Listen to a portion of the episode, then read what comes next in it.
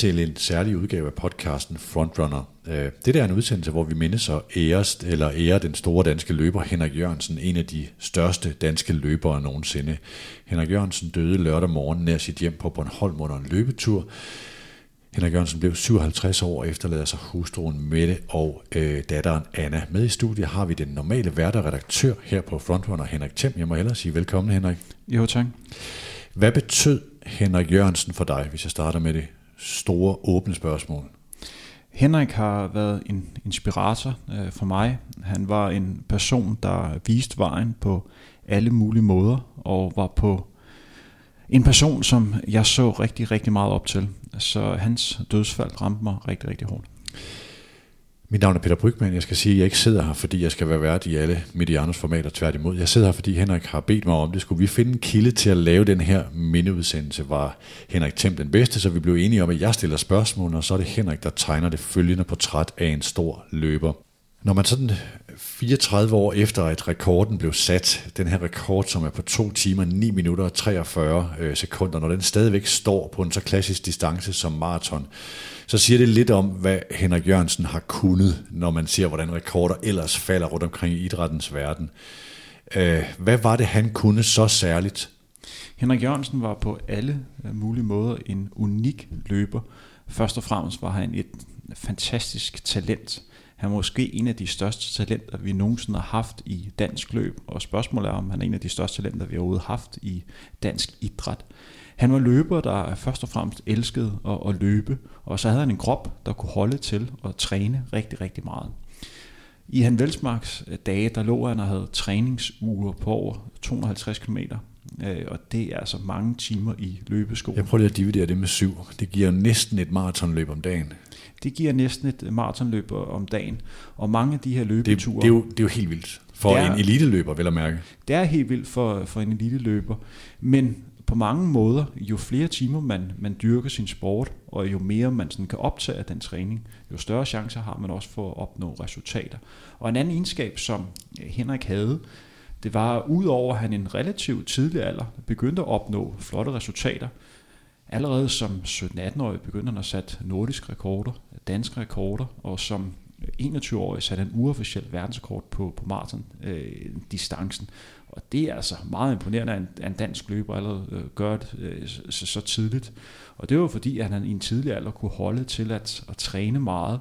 Han havde også det gen med, at han lidt var sådan en, lidt en ensom ulv, der kunne lide sit eget selskab, der kunne lide at, at, at ligge i skovene og have de her rigtig, rigtig mange uh, træningsture. Så han nød sit eget uh, selskab. Og det var en kvalitet, som jeg misundede uh, øh, meget som uh, løber, fordi jeg begyndte jo at kede mig, hvis jeg var ude over i en time, fordi jeg godt nok elskede at løbe, men uh, der var også andre ting, jeg synes, der var ja, Hvor meget sjovt. trænede du? Jeg lå og trænede omkring... du trænede mest? 130 til, til 140 km, og jeg blev jo hele tiden målt op i forhold til, hvad, hvad Henrik øh, kunne. Jeg havde nogle, øh, nogle problemer med min hofte, der gjorde, at jeg ikke kunne komme længere frem, og når jeg ikke kunne træne mere end de her 130 til, øh, til 140 km og, om ugen, så sætter det jo store krav på den træningsmængde, jeg har, fordi jeg skal jo også levere resultater, så jeg kunne ikke øh, have mange pas, hvor jeg ikke var helt på toppen, øh, hvor der er større chance for, at man øh, kan klare sig igennem, hvis du ligger og laver 250 km. Som Vi kommer senere ned i altså selve talentet, hvad det var, der gjorde Henrik Jørgensen særligt, men det her med tiden, altså du er selv en af øh, efterkommerne, eller, efter, eller, eller, eller aftagerne, vil jeg snart sige, der må have som ung løber kigget op på den her rekord og sagt, er det noget, jeg kan komme i nærheden af? Hvad skal der til for at komme derhen? Hvornår var den, var den på et tidspunkt opnåelig, eller, eller, eller endte den med at stå som uopnåelig? Jeg har hele tiden troet, at det var en rekord, øh, som var inden for, for mulighedens grænser. Man var også godt klar over, at det var en tid, som blev løbet af to-tre øh, løber øh, i Europa øh, per år, og det viser lidt om øh, det niveau. Øh, så jeg var godt klar over, at alt skulle spille, og jeg var også godt klar over, at hvis jeg ikke kunne holde til at træne mere, øh, så var det utopi at tro på, at, at jeg kunne komme, komme derned. Lige nævne, at min person er kortere på 2 timer og øh, 15, 15 øh, minutter, så, så jeg er de der små 6 minutter efter. Så, så hvis jeg skulle have en, en chance, så var det nok det mindste at gøre i første omgang, at jeg skulle matche hans, hans træningsniveau. Så det var en, en helt ekstraordinær tid, han satte der. Den stod, øh, som jeg lige har læst det, som 30 år øh, som nordisk rekord, og står stadigvæk som dansk rekord. Hvor langt tror du, vi skal hen, øh, før at den står for fald?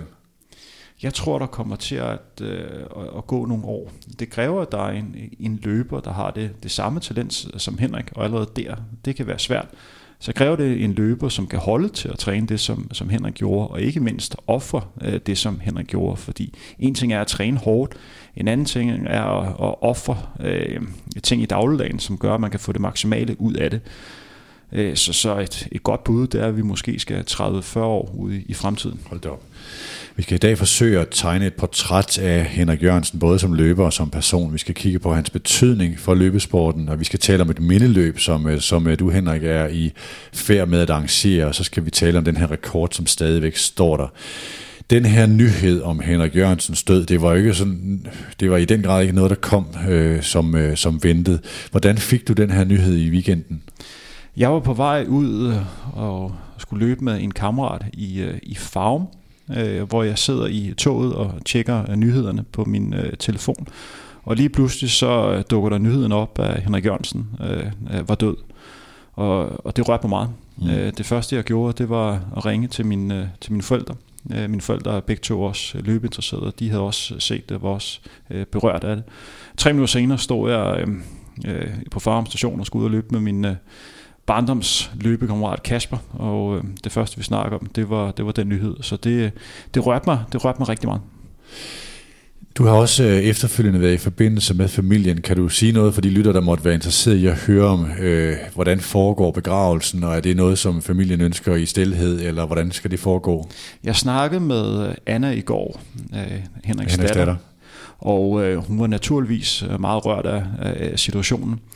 Øh, hun sagde, at det var ikke helt faldet på plads endnu, hvornår øh, begravelsen øh, skulle være, men det blev nok ikke i, i denne uge her. men det havde været, en, det havde været en, nogle svære dage for hende. Lige for at illustrere, det kan lytterne selvfølgelig ikke se, øh, men du viste mig et klenode, som, øh, som, øh, som du i besiddelse af, inden vi gik i gang med at optage. Øh, kan jeg lige få, få dig til at tage det frem? Ja, selvfølgelig. Jeg finder det lige. Det, jeg kan sige øh, til, til lytterne, der ikke kan se, hvad det er, det er et hvidt pandebånd, hvor der på der står naturgas. Henrik, prøv lige at fortælle, hvad det er for noget. Det er et hvidt pandebånd, som jeg fik af Henrik til min 30-års øh, fødselsdag. Øh, jeg besluttede at holde en stor fest, øh, da jeg fyldte 30, hvor jeg inviterede alle de mennesker, som betød noget for mig. Og jeg har været øh, venner med Henriks datter Anna i, i 20 år. Vi debuterede faktisk på ungdomslandsholdet samme dag. Det var tilbage i 2000. På det tidspunkt var Anna 12, og jeg var, jeg var 18. Mm. Øh, og øh, jeg har inviteret Anna med, og Annas øh, daværende øh, mand, øh, Torsten. Og så kom der øh, en gave med for, for hele familien, og det var altså øh, det her pandebånd. Øh, efter sine skulle det være det pandebånd, som Henrik havde på, da han vandt øh, London Marathon i 1988. Og for mig, der var en løbefanatiker, hvor det en af de største gaver, jeg kunne, øh, jeg kunne få. Så det, øh, jeg bilder mig selv ind øh, efterfølgende, at øh, når jeg har det på, så får jeg lige 5-10% ekstra kræfter. Det må være, øh, nu skal man passe på med at grædbøje sådan noget, men måske de mest ikoniske pandebånd i, øh, i dansk idrætshistorie. Øh, det kan næsten ikke overgå, som så det var Mikkel Hansens fra en semifinale eller en finale på, øh, fra, øh, fra VM her. I London Marathon er jo et, jeg, jeg, jeg prøver at sætte den præstation i relief, altså hvor stort er det? Vi taler altid om danske idrætspræstationer og prøver at sætte dem op mod hinanden på tværs af idrætsgrene. Det at vinde London Marathon i 1988, øh, øh, øh, øh, hvor, hvor stort var det? Hvor stort er det? Det er en kæmpe bedrift. Øh som du nævner, er det jo svært at sammenligne de her øh, triumfer, øh, når vi kigger på tværs øh, på de forskellige sportsgrene. Når vi snakker om løb, så skal vi tage højde for, at vi har hele verden med.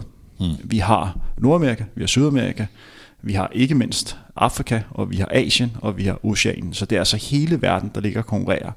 Og på det her tidspunkt i 1988, der var London Marathon nok det sværeste løb øh, at vinde. Det er sådan til de store mesterskaber, der må hver land kun stille med øh, tre løber, men til de store maratonløb, der er altså frit deltagelse, så det vil sige, at de store løbelande kan altså stille med rigtig, rigtig mange løber. Og der vandt Henrik. Det er en kæmpe bedrift. Og det store spørgsmål, det er om en europæisk løber øh, kommer til at vinde øh, det her løb igen. I hvert fald en europæisk født løber. Så øh, det var en unik bedrift, og øh, det var også en nyhed øh, på London Martins hjemmeside og deres Facebook-side, at øh, en af deres tidligere vinder var afgået øh, ved døden. Mm. Og det, øh, det efterførte store reaktioner på, på de sociale medier. Jeg var selv til stede til London Marathon for et par år siden, og blev overrasket over, hvor stor Henrik Jørgensen var derovre. Øh, der var en, en mindeplade for alle de løbere, som havde vundet London Marathon.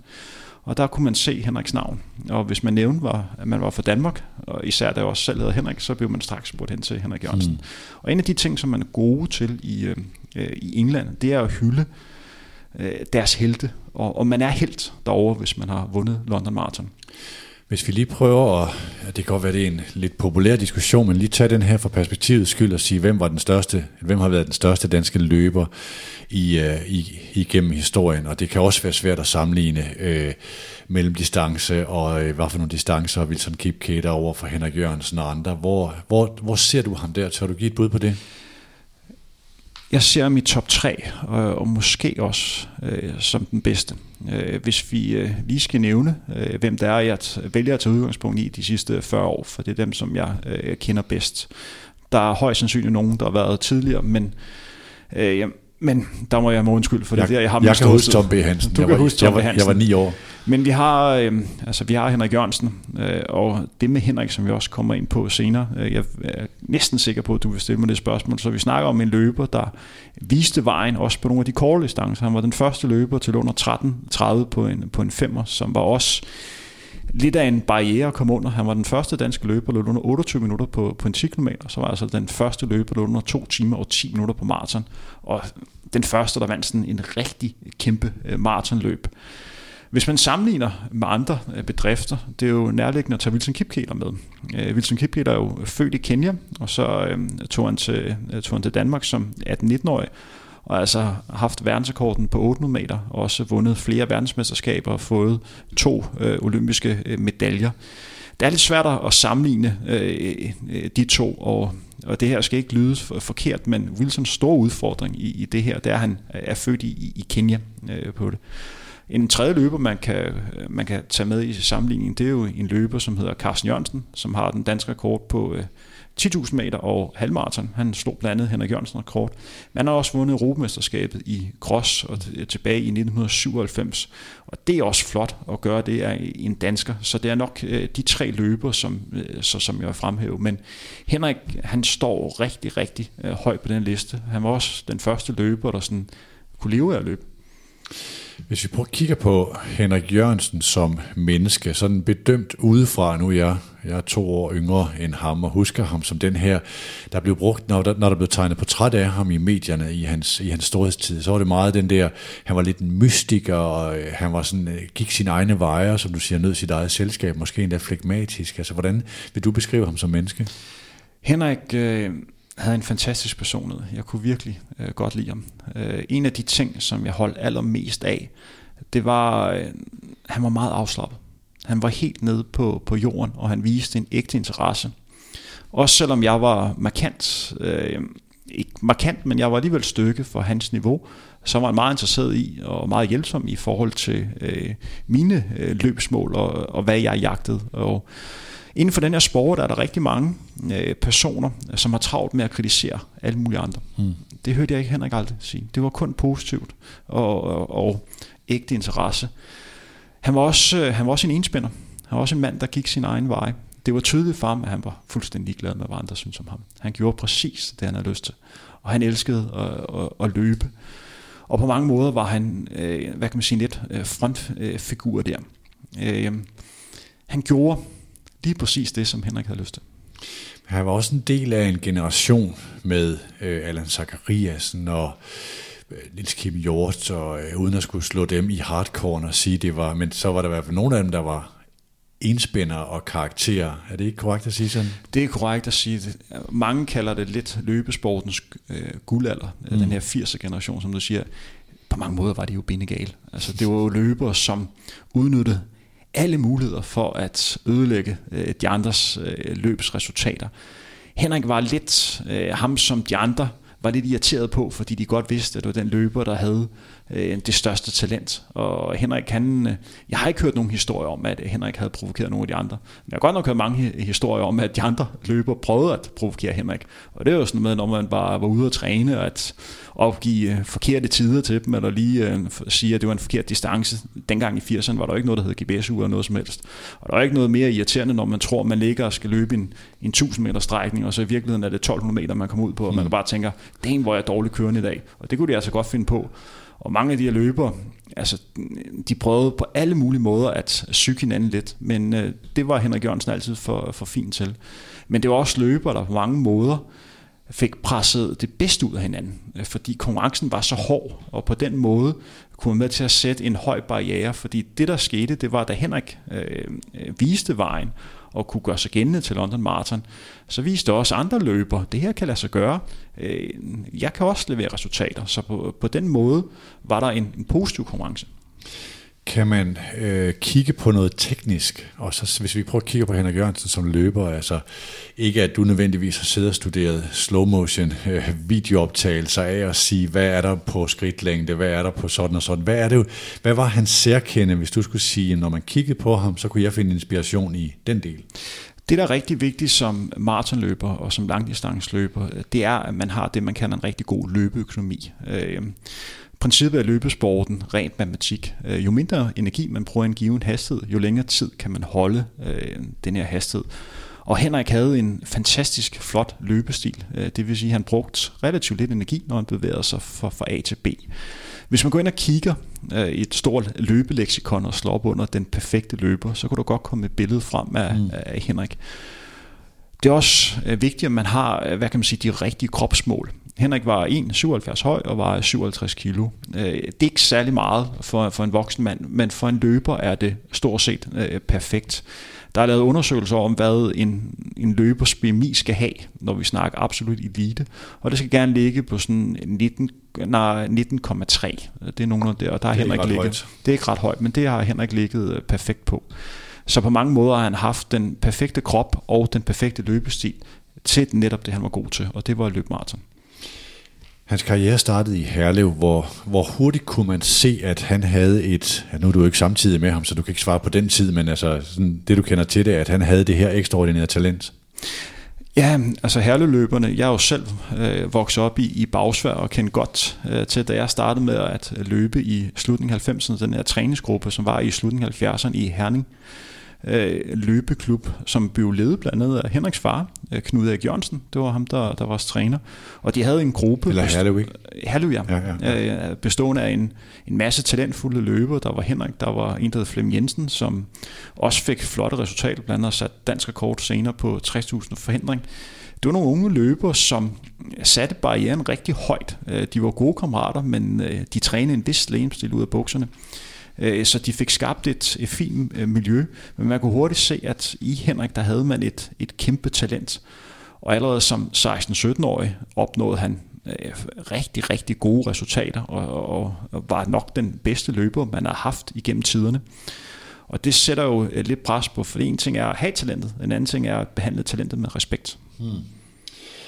Så det her med, øh, altså med at være den løber med folkelig appel, som han, jo, som han jo også blev, altså både den her meget karakteristiske udseende og øh, pandebåndet, som vi var inde på før, øh, og, og dermed var han vel også, jeg ved man kan sige, han var med til at starte en motionsbølge herhjemme, men skyldes det andet end løbet? Henrik var på mange måder et løbeikon. Mm. Øh, det, der først og fremmest øh, var kendetegnet med Henrik, det var, at han elskede at løbe. Altså, det var tydeligt, at øh, når han, når han stod og snakkede om løb, så var det ægte øh, kærlighed. Og det var noget, som alle kunne relatere sig til, uanset øh, niveau, øh, den, her, øh, den her kærlighed. Og, og det gjorde med hans sportslige resultater, at andre også fik interessen for, for løbesporten. Øh, de store maratonløb begyndte at blomstre op i, i, i 80'erne. London Marathon havde jo først, sit første løb i, i, i starten af 80'erne. Det samme også tilfældet for Copenhagen Marathon, øh, der har 40 års jubilæum her øh, i år. Det er også et, et maratonløb, som startede relativt, øh, relativt sent rent øh, løbemæssigt. Så på den måde var der en masse mennesker, der, der fik øjnene op for øh, løbesporten. Og Henrik var også øh, den første løber, der fik skaffet nok sponsorer til, at han gå, kunne gå professionelt. Øh, og det betød også, at han kunne holde til at træne endnu mere og dedikere endnu mere til, øh, til sin sport. Jeg har hørt flere historier om, at i sin velmarksdag, der trænede Henrik så hårdt, at han stort set ikke kunne overkomme at tage træningstøj af, når han kom hjem. Han hoppede simpelthen direkte i seng. Og på den måde var han også klar til at hoppe ud og, og løbe igen. Jeg ved fra hans kone Mette, at hun ikke rigtig synes om det, men øh, det var det, øh, Henrik praktiserede, og det har virket for ham. Men det, det at kunne blive professionel fik vel også betydning for hans, hans videre liv. Øh, jeg ved ikke, hvor meget han professionelt beskæftiget sig med løbesporten efter sin aktive karriere.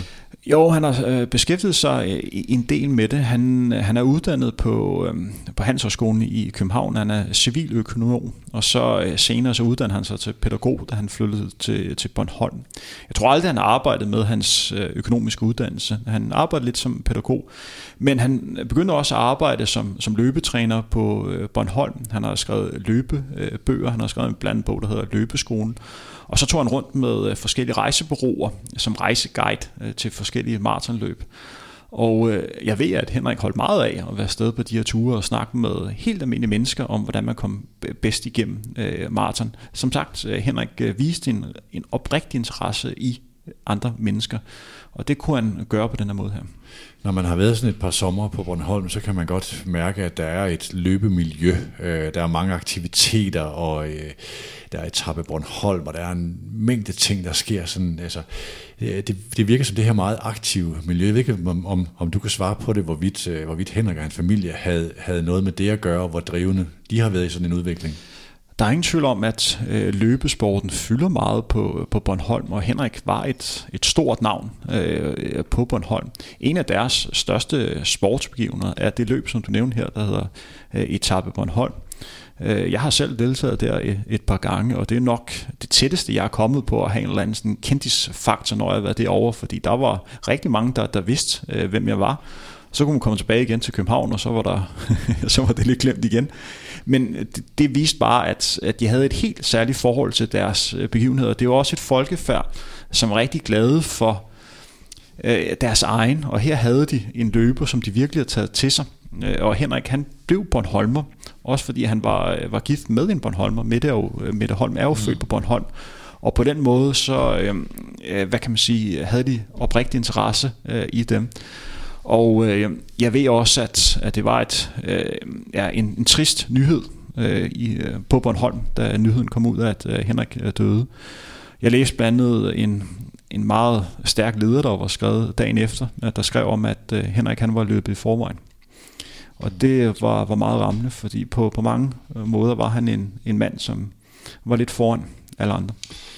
Hvis vi lige prøver at kigge på sådan også den, den private øh, Henrik, der var jo andet en, øh, der var andet en triumf for os i forhold til nærmest årstal. Øh, han vinder London Marathon i, øh, i 88, Øh, og i, er det samme år, at hans kone Mette bliver, bliver, bliver ramt af kraft. Hvad fik det af betydning? Er det, jeg ved ikke, om det er rigtigt årstal, men, men øh, hvad fik det af betydning for, øh, det var nogenlunde, samtidig, nogenlunde samtidig også, hvor han blev øh, far til, til Anne. Men øh, det med, at øh, Mette, hans hustru, øh, ude i det blå, blev ramt af øh, leukemi, øh, var det så vidt jeg husker. Okay, leukemi, ja. Øh, og der, øh, altså, det gjorde, at øh, løb fik lidt en anden prioritet. Øh, jeg, øh, uden jeg kender det helt med, med sikkerhed, så er jeg rimelig sikker på, at det var en, en hård periode.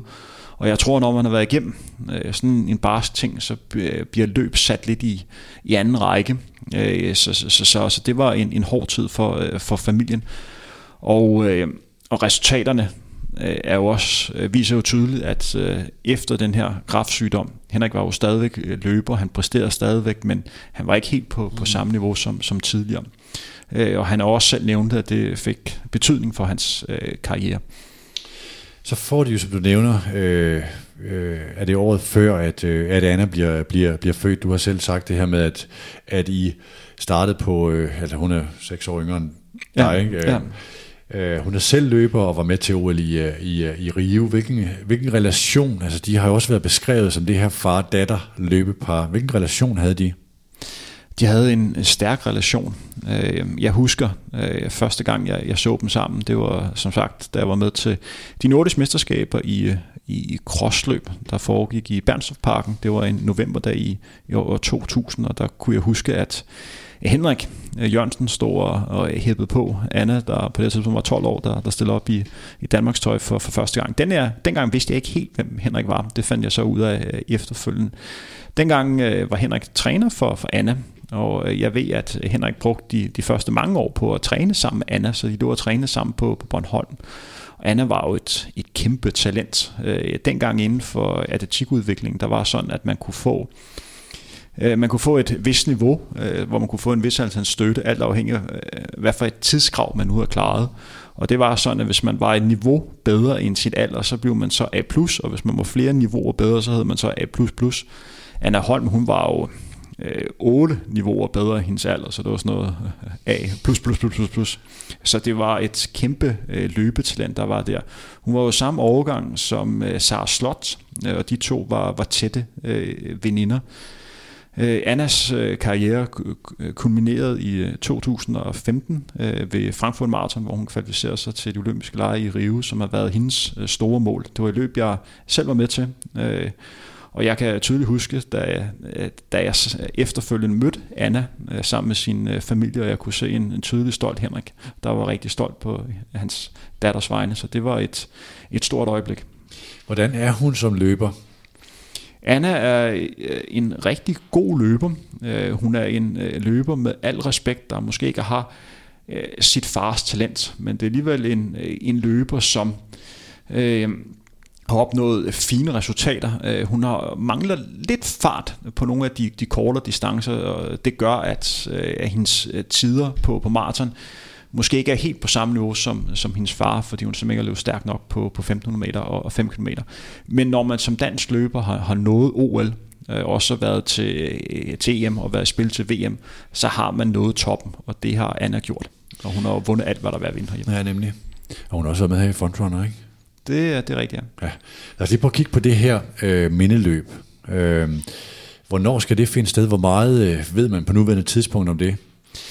Øh, det er jo et mindeløb, som, øh, ja, hvor jeg blev øh, kontaktet af, af Anna, øh, om at det var noget, jeg havde interesse i at øh, stå for. Øh, lige i øjeblikket er det ikke 100% sikkert, øh, hvad for en dag det bliver, men vi har snakket om, at det skulle blive lørdag den 23. februar, og planen var lidt, at det skulle foregå i, i dyrehaven hvor man, øh, hvor alle havde mulighed for at, at, at møde op og, og hylde Henrik og, og hylde den her øh, løbe øh, legende. Det skulle være lidt efter Henriks ånd og lidt efter familiens ånd, så det man lidt havde, havde snakket om, det var, at man skulle starte med at have et minuts øh, stillhed, og så forhåbentlig har der fundet en sponsor, så alle kunne møde op i et hvidt pandebånd. Øh, oh ja. Det er jo symbolet for, for Henrik. Og så skulle man starte med at løbe de første kilometer øh, stille og roligt, et, et tempo, hvor alle kunne være med. Det var også en ting, som, som Henrik øh, hvad kan man sige, slog meget på, det var, at, øh, at løb, øh, selvom det er en individuel sport, så kan det godt være en fælles sport. Man kan, man kan sagtens løbe sammen, selvom man på, på flere niveauer. Så det var meget vigtigt, da jeg snakkede med Anna, at man havde en fælles start sammen, så man kunne vise, at løb var mere end bare en ego-sport. Men efter 3 km, så skulle løbet give frit, og så kunne man så løbe i sit regulære træningstempo, øh, eller det tempo, man har lyst til at løbe på dagen. Og så efter 38 minutter og 40 sekunder, dem er der undrer sig lidt over, hvorfor lige 38 minutter og 40 sekunder, så er det Henrik Jørgensens løbsrekord på imitage. På imitage For lige at lige markere, at det er altså hans, hans tid. Og så kunne man så løbe øh, stille og roligt mål, og så kunne man stå bagefter og, og minde Henrik. Jeg håber, det kunne lade sig gøre den her dag. Jeg har kontakt lige i øjeblikket med Skov Naturstyrelsen i, Dyrehaven, og der er lige nu en ting, der skal falde, øh, falde på plads, men jeg har fået opbakning hele vejen rundt, så øh, der bliver arbejdet på det, øh, og jeg ved, det betyder meget for familien. Og hvis man skal holde sig orienteret om, hvornår man så kan tilmelde og så videre. Hvor er de praktiske ting? Hvor skal man så orientere sig? Øh, nu er det jo frontrunner, man, øh, man sidder og hører her, så skal vi ikke lave en aftale? Jeg, jeg smider et, mm, et link op øh, der, så man kan følge med i løbet. Lad os lige prøve til sidst her på at kigge på det, sådan dit forhold til Henrik. Du har været inde på det, hvad han har betydet for dig, og hvad nogle af de bedste minder er. Men hvis vi lige prøver igen at sige, jamen, hvad er... Øh, du brugte også et udtryk, så jeg i et af medierne havde spurgt dig om, øh, hvad han var for dig. Der brugte du udtryk, at han var din løbekonge. Hvad har han betydet for dig? Han har øh, på mange måder været en, en løber, øh, som, har, som har vist vejen. Øh, først og fremmest, øh, så har han jo opnået det, som jeg drømte om at opnå. Mm. Han er en løber, der kunne holde øh, til øh, og, og træne rigtig, rigtig hårdt. Han var en løber, der sagde nogle ting, men også sagde øh, ting, som byrealistisk efterfølgende. Øh, som person øh, værdsatte jeg rigtig meget øh, det med, at man respekterede andre løber, og på den måde viste oprigtig øh, interesse. Og så øh, var jeg var jeg vild med øh, kærligheden øh, til løb, der, der var så, øh, så smittende. Og en af de største oplevelser, som, som jeg har haft med ham, jeg vil sige, at den, øh, den Frankfurt-løb, hvor jeg efterfølgende kunne se, hvor stor glæde der var hans øjne, fordi hans datter havde kvalificeret sig til OL. Det var også noget, der gjorde indtryk med, nogle løbeture på, øh, på Bornholm, hvor jeg har løbet sammen med ham, hvor at, øh, man skal være klar over, at med Henrik, han kender alle stier på Bornholm. Han kender alle områder, hvor man så ud og løbe, man så siger, vi kan også lige løbe den, øh, den vej der, vi kan også lige løbe den vej der, og der løb jeg øh, for et par dage siden. Og hver eneste menneske, man møder på Bornholm, de kender Henrik. Nej. Og Henrik han øh, hilser, og han har bare overskudsagtig og, og ønsker dem god dag. Og, og den her øh, kærlighed også, næste kærlighed til andre, den er bare smittende øh, på det. Og så, øh, skal man heller ikke glemme hans, hans sportslige niveau. Øh, der er blandt andet et løb på Bornholm, som hedder Soft Ice løbet, som er jeg har et, været med i det. Du har været med i det. Et 6,8 km eller sådan noget, noget af den stil mm. nede, nede i Gudhjem. Og det er sådan, at Henrik Jørgensen har løbsrekorden. Det er løb, som jeg har været med i et par gange, fordi jeg har været, været på træningslejr på Bornholm, øh, hvor jeg blandt andet har, har trænet med Henrik og, og trænet med, med Anna det er sådan, at der, der er faktisk ok pengepræmier derovre. Okay. Så, så, så, så det har vist lidt interesse ud over, at man vinder en, en stor is efterfølgende. Det er krøllebølleis, det er man skal kæmpe have krøllebølleis. Ja, det er fantastisk. Og det er sådan, at øh, ja, som løber, man kan lige så godt være ærlig at sige, så store penge eller heller ikke for en løber med det sportsniveau, jeg havde. Så øh, hvis man kunne få lidt ekstra, så er man selvfølgelig gået efter det. Men jeg prøvede også at jage, om jeg kunne få den her løbsrekord, som Henrik havde. Og det var sådan en, øh, en løbsrekord, hvor man krævede, at man løb øh, lige omkring 21 km i timen på de omkring 7 km. Og det tænker jeg, det, det kunne måske være muligt. Så det gik jeg lidt efter. Det skal så sige, lige sige i Gudhjem, det går altså lidt op ad bakke. Det er meget kopieret. Og der kommer en kraftig stigning efter 5-6 km, hvor du nærmest er 10% op i helvede. Altså, og jeg jagtede den der tid, og det, jeg var ikke tættere på end, end 20 sekunder. Og så mødte jeg Henrik efterfølgende, og så sagde Henrik, øh, godt kæmpet. Det er ellers ikke en af de bedste tider, jeg havde. Jeg var ikke rigtig i form, da jeg satte den. Og jeg kan faktisk meget godt lide den, den herlighed, der var. Så på den måde fik jeg lige begravet mig lidt ekstra. er der andet, du, øh, du gerne vil have, at lytterne skal vide om Henrik Jørgensen i den her udsendelse?